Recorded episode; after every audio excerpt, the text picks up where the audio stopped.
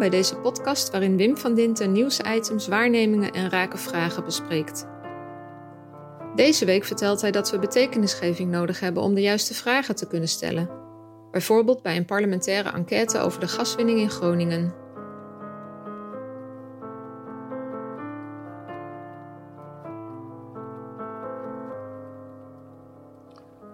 Ik zag op 14 oktober de parlementaire enquêtecommissie een verhoor afnemen van de heer Rutte en de heer Van Beurden.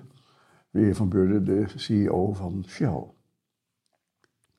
En toen ik die vragen langs zag komen en de herhaling van die vragen, begon ik me echt af te vragen of het oordeel van die commissie wel ergens zou sporen met het oordeel wat ik zelf al tijden heb. En ik kan dus niet weten waarmee ze komen, want dat is pas in februari het geval. Maar ik ben uiterst sceptisch als ik zie welke vragen er gesteld werden. En daarom eh, dacht ik dat het goed was om te laten zien hoe ik tot een oordeel kom, zodat we straks kunnen vergelijken met het oordeel van die commissie. Het eerste waar ik aan moet denken als ik aan de gaswinning in Groningen denk en de aardbevingen die daar het gevolg van zijn, dan verplaats ik me in het Imperial Hotel in Tokio, waar ik was in de begin tachtiger jaren, zo op de tiende verdieping. En ik in de nacht wakker schrok, omdat de kast stond te klapperen. En ik wakker werd in, door het bewegen van het bed en de herrie om me heen. En ik dacht, wat is dit? En ik liep naar de deur, keek de gang af, niemand te zien. En ik begon me toen pas te realiseren dat ik een aardbeving meemaakte terwijl ik in die hotelkamer lag. En de volgende ochtend vroeg ik aan mijn tolk hoe dat werd ervaren, die aardbeving, die avond tevoren in Tokio. En ze keek, ze keek me niet begrijpend aan. Dus ik herhaalde mijn vraag. En en vertelde dat ja, ze eigenlijk daar aan gewend waren. En dat iedereen daarmee kon leven. Omdat ze in huizen woonden die schokbestendig waren. Ik heb toen ook de tijd genomen om eens naar wat huizen te kijken die in aanbouw waren. En dan zag je stalen frames waarin het mogelijk werd dat bewegingen en schokken werden opgevangen. En, en wat wel uh, schokbestendig was, tot aardschokken van een kracht 8 of 9 of zelfs 10. En er stonden ook hele grote torens, televisietorens, masten, zendmasten, grote gebouwen, die allemaal schokbestendig zijn tot de zwaarste aardbevingen aan toe. Ze zijn daar banger voor grote cyclonen en hurricanes met heel veel water dan voor die aardschokken. Maar wij in Groningen zijn onveilig omdat ons huis instort bij een aardschok van 3,4 in Huizingen. En we maken daar ook een enorm probleem van. Dus wij, hebben, wij hebben niet die ervaring dat er aardschokken zijn en dat die erbij horen. Omdat we onze huizen daar niet naar hebben ingericht en we ons niet veilig voelen. En dat zeggen die mensen dan ook.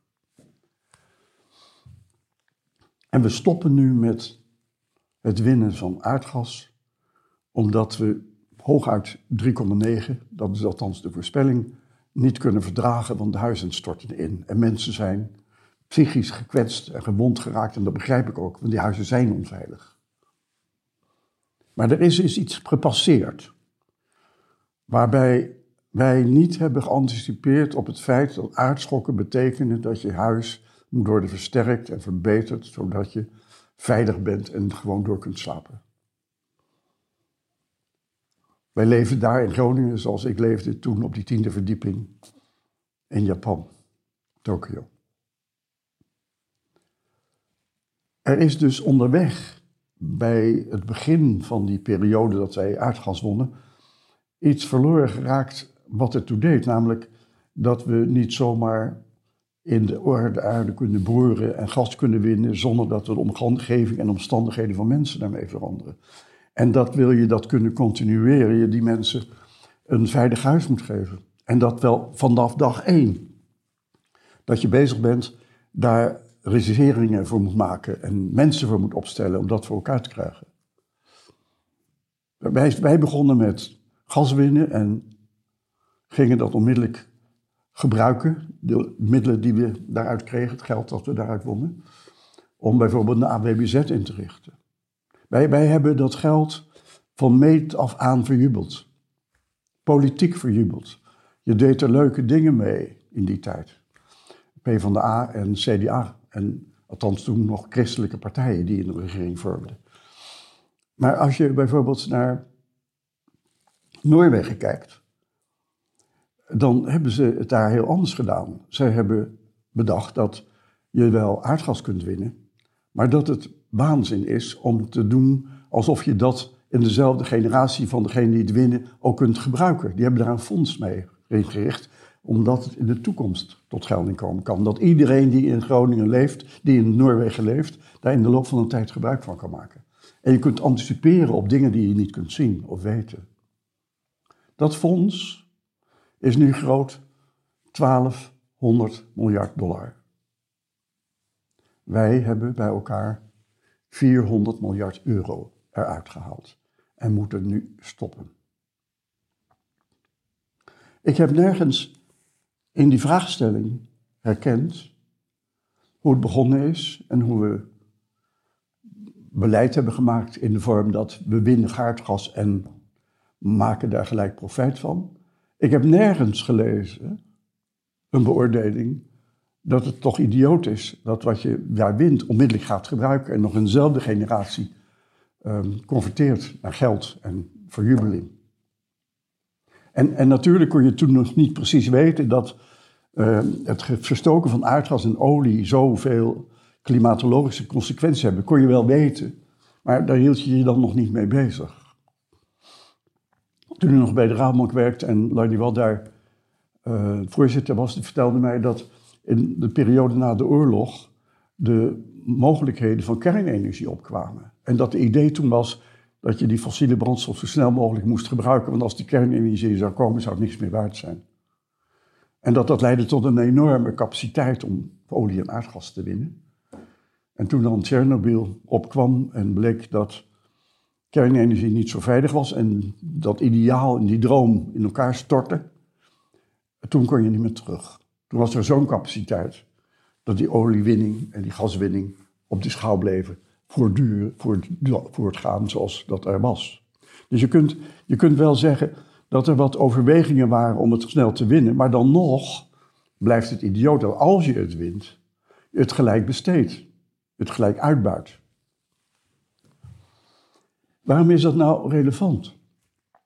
Het is relevant omdat toen dat begon er een andere politieke klasse aan de gang was, een andere politieke groepering aan de gang was dan de groeperingen die er nu zijn. De VVD is nu al jaren de grootste. Premier Rutte is daar degene van, als lijsttrekker van de VVD die premier is. Die wordt van alles in rekening gebracht, want hij is er al tien jaar. Maar toen de besluiten werden genomen zoals ik die nu vertel, zat hij nog op de lagere school of, of was net geboren. Hij, hij is meer iemand die past in wat er is ontstaan, dan dat hij daar oorzaak van was. En intussen, in die periode dat hij leeft, kun je ook herkennen dat er steeds meer technologie is ontstaan, er steeds meer wetten zijn ontstaan en steeds meer regels zijn ontstaan. En dat organisaties steeds meer uit zijn gegaan van zichzelf. En dat ook de overheid heel erg uitgaat van haar eigen balans, de verlies- winstrekening, de liquiditeits- en stabiliteitsfondsen die er dan in Europees verband zijn, moeten naleven. En dat is voor Nederland dan een klein kunstje als je over zo'n gasbel beschikt en tegelijkertijd dat anderen dat ook moeten doen die niet over zo'n bel beschikken, zoals de Italianen of de, de Duitsers. Wij, wij, hebben een periode meegemaakt nadat we zijn gaan winnen, waarbij we steeds rationeler zijn geworden en steeds meer uit zijn gegaan van een overheid die geld geeft en mensen helpt. Zoals ik al zei, zoals het AWBZ. En we hebben het ook nooit gehad over de schade die dat heeft aangericht in onze samenleving. Dat ga ik ook nu niet doen, maar dat komt wel een keer. We hebben een beleid gevoerd vanaf de jaren 60 toen we ermee begonnen, waarbij we uit zijn gegaan van wat er toen was. En we zijn meegegaan in de ontwikkelingen van het recht en de jurisprudentie en de ontwikkeling van organisaties en organiseren, waarbij we nu zover zijn dat als je kijkt naar Groningen, en dat is nog wat Rutte zegt, dat je niet een aannemer stuurt naar die mensen die een probleem hebben met hun huis, maar een accountant, een organisatieadviseur en een jurist, die dan ook nog meekrijgen dat het zo weinig mogelijk mag kosten. De vraag aan Rutte hoe erg het is wat die mensen overkomt, is vreselijk erg. En dan vertelt hij dat het heel complex is en dat als je dan daar woont en werkt en je krijgt ineens twee mensen voor je gezicht met een stropdas om en boekjes om en die allerlei vragen stellen, dat je daarvan schrikt. En tegelijkertijd blijft hij zeggen dat we uitgaan als overheid van de burger. En dat die centraal staat. Ik heb hier een verslag van in de NRC, uh, een mooi verslag, een samenvatting zeg maar, van Claudia Kammer en Mark Middel. En, en daarin begint het met de bewoners. En dan zegt uh, een mevrouw, Suzanne Top, jarenlang secretaris van de maatschappelijke organisatie het Groningen Gasberaad. Ik kan die woorden niet meer horen. Er is helemaal geen oog voor de bewoners, zei ze tijdens haar verhoor. En dat lieten de mensen ook weten. Als jij mensen op mensen afstuurt om te helpen die je in het veld zet, om te zorgen dat het zo weinig mogelijk kost en of je niet wordt opgelicht. En het zijn accountants en juristen. En organisatieadviseurs, die er ook nog dik aan verdienen. Dan kun je toch niet zeggen dat je uitgaat van die bewoners. Dan zou je toch een aannemer moeten sturen. En wel bij de eerste signalering dat er iets gebeurt. Die vraag werd niet gesteld door die commissieleden. Hij bleef gaan over hoe erg het is en hoe erg het is en hoe erg het is en hoe erg het is. En Rutte kon blijven zeggen: het is complex, het is complex. Het is helemaal niet complex. Het is complex gemaakt als je uitgaat van juristen en organisatieadviseurs. Die passen niet in die context. We zijn geld blijven tellen, want dat hebben we van mede van gedaan. We hebben het niet gedaan als de Nooren, we hebben het gedaan op z'n Hollands. Als koopmannen, die er even aan verdienen en wat geld geven en iedereen zoet houden. De vraag daarna is dan natuurlijk ook hoe Shell er dan in zat en de NAM. En ja, dan kom je natuurlijk weer Van Beurden tegen. En natuurlijk directeur Nederland, die laat ik nu maar even zitten, Marjan van Loon. Daar kom ik misschien nog wel op terug. Maar de essentie was wel dat ook de vraag aan Van Beurden was. Hoe erg was het nou? voor die mensen. En wat heb je eraan gedaan? Ja, vreselijk erg. En de license to produce stond op het spel. En ja, maar de, de vraag, wat, wat hebt u er dan aan gedaan als u zag dat het niet goed ging? Ja, dat, dat zag ik ook wel. Maar dat is een uitvoeringskwestie en dat zat bij de NAM. Maar toen hij bemerkte dat hij geen inkomsten meer eruit kreeg, maar wel de staat, was er als de kippen bij om dat aan te kaarten bij de premier en bij economische zaken.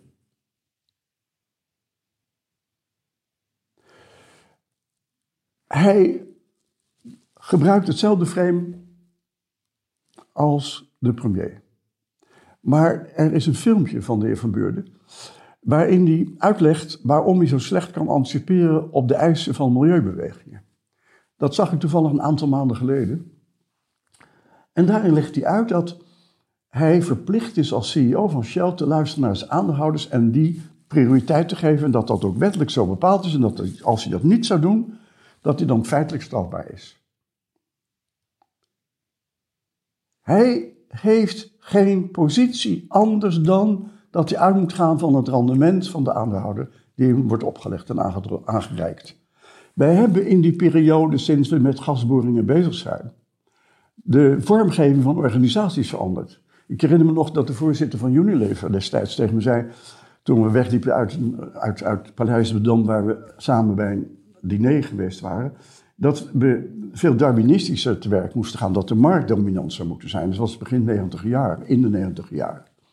En er kwam ook een rapport uit waaruit dat bleek, dat de aandeelhouder uh, maatgevend moest zijn en dat hij ook uh, inzicht had in maatschappelijke processen en dat je dus uit mocht gaan van de financiële kwesties. En, en dat dus ook als maatgevend werd neergezet en dat leidde ook wel tot een discussie. Maar de Tweede Kamer is daar wel mee akkoord gegaan met die inrichting. De politiek is daarmee akkoord gegaan. Wij hebben organisaties gekregen die Amerikaans zijn ingericht, die Anglo-Saxisch zijn ingericht. Dan kun je moeilijk aan Van Beurden vragen uit te gaan van maatschappelijke consequenties. Dan zegt hij natuurlijk, ja, license to produce staat dan at stake. Maar in zijn gedrag en waar die op wordt afgerekend, ziet dat er natuurlijk volstrekt anders uit. Wij hebben in Nederland het zo voor elkaar gekregen dat Shell en de voorzitter van Shell uit moet gaan van wat de aandeelhouders vragen. En de aandeelhouders zijn intussen beleggers geworden. Die kijken naar rendement, stappen uit als het rendement te laag is. Wij hebben daar iemand zitten, een organisatie, die daar neergezet is vanuit de overheid om te exploiteren. Dat is in de NAM ondergebracht. En die hebben alleen maar gekeken naar geldtellerij, want daar ging het dan over, en technische kwesties om te zorgen dat je dat kon blijven doen. En we hebben aan de binnenkant niet politiek beoordeeld wat er aan de hand was, maar dat uitbesteed aan de top van economische zaken, waarin economen zitten. Ja, hoe kijken economen dan? In de economische wetenschap, als ik het een wetenschap zou mogen noemen, ga je uit van mensen, maar niet met zintuigen en gevoelens. Nee, mensen zie je als systemen die rationeel zijn. Waarbij je kijkt wat nuttig voor hen is, wat je uitdrukt in geld en getallen. Bij een economische benaderingswijze staat niet centraal dat mensen bang zijn in hun bed liggen te woelen en onveiligheid hebben, zorgen hebben over hun kinderen. Maar je blijft uitgaan van het nut dat het voor de samenleving heeft, de gaswinning. En dan zijn er nog wat functies die je moet doen, dat mensen dan kunnen blijven slapen. Maar dan moet je ook zo goedkoop mogelijk doen. En die mensen zoeken rationeel wel een oplossing in eigen kring.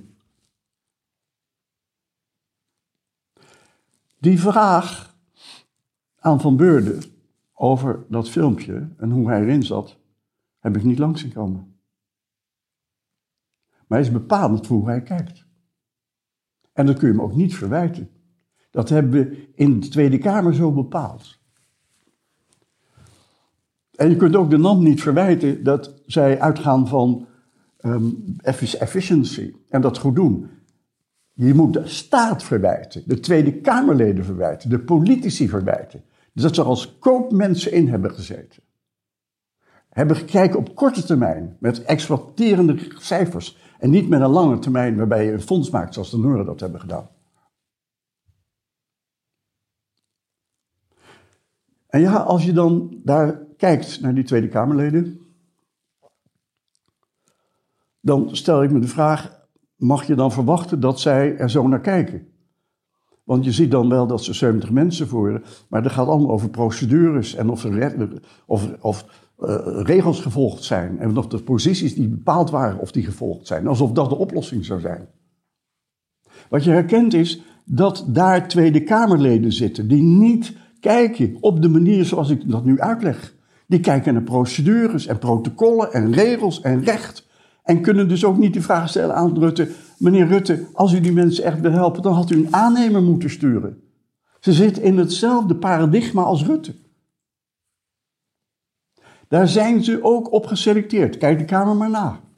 Er zitten Kamerleden die geselecteerd zijn op het feit dat ze steeds ja tegen de regering zeggen en van de regering alles eisen, ook qua beleid, alsof ze zelf zonder visie, zonder beleid in de wereld kunnen staan en dan een overheid kunnen beoordelen.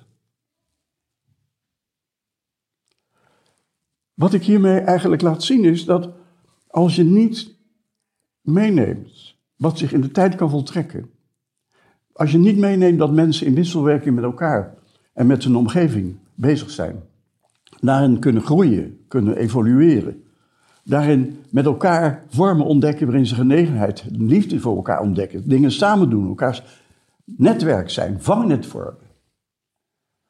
Als je alleen maar uitgaat van jezelf en je rationaliteit, dat, dan mis je dus wat in wisselwerking nou juist zo belangrijk is en betekenis voor ons heeft. Dan begrijp je ook plotseling dat die mensen die toen de besluiten namen zoals ze namen en uitgingen van geld tellen en hun eigen belang en rationaliteit, dat die dat wat in wisselwerking ontstaat en juist betekenis heeft en nu juist in Groningen als probleem wordt gezien, al bij voorbaat wordt genegeerd. En je ziet ook dat als je dat negeert, wat dat doet. Je kunt niet meer anticiperen op kwesties en omstandigheden die zich voordoen. Dus je kunt ook heel slecht anticiperen op het feit dat je ontdekt dat het klimaat zo ontzettend verandert doordat we wereldwijd fossiele brandstoffen verstoken. Je hebt daar zo nooit naar gekeken in Nederland toen men begon met het gas ontwikkelen. En we zijn alleen maar doorgegaan met procedures en systemen En dat heeft dus opgeleverd een premier zoals we die hebben. Kun je die man niet verbijten. Rutte is het product van dat stelsel, dat systeem wat in 40, 50 jaar is ontstaan. Dat geldt ook voor Van Beurden. En dat geldt zelfs voor die Kamerleden. Wij hebben uit het oog verloren wat er voor mensen toe doet en voor leven toe doet. En hebben dat niet meegenomen in de oordeelsvorming toen we ermee begonnen. En het is ook niet verder tot leven gekomen, in tegendeel. We zijn steeds verder uitgegleden in rationaliteit en zelfreferentialiteit. En daarmee zie je iets heel wezenlijks. Dat als ik tot een oordeel wil komen. En ik herken niet hoe mensen betekenis geven. Ik herken niet dat we kwijt zijn wat in wisselwerking voor mensen ertoe doet en ontstaat wat de essentie is van leven. Dan krijg je wat je ziet in dat Groninger Beraad, maar ook elders zit, dat je sloopt wat er voor mensen te doet. En omdat je die vormen niet meer tot je beschikking hebt, weet je je geen raad en je herkent wel dat er iets weg is als een enorme leegte.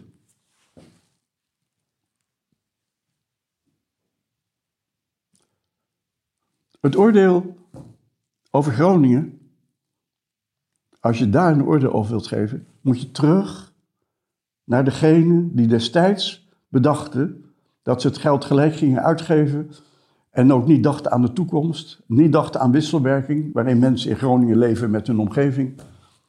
En hoe wij in wisselwerking met die fossiele brandstoffen gaan omgaan met alle gevolgen van die. Nee, ze keken ernaar van, hé, hey, dat is een bron en dat levert geld op. En ze bleven met hun modelletjes aan de gang en met hun rechtssysteem aan de gang. En dat levert op een leegte die je in die enquête helemaal tegen kunt komen. En dan kun je ook niet verwijten dat mensen aan de top van de economische zaken dan gaan oordelen zoals ze deden. Namelijk alleen maar vanuit belang van de overheid, belang vanuit Shell, belang vanuit NAM. En met regels en richtlijnen en normen die zich hadden bedacht. Als je tot een orde wilt komen over Groningen, heb je mensen nodig die over alle vormen van betekenisgeving beschikken. En helaas kom je die in de Tweede Kamer niet meer tegen. Dank.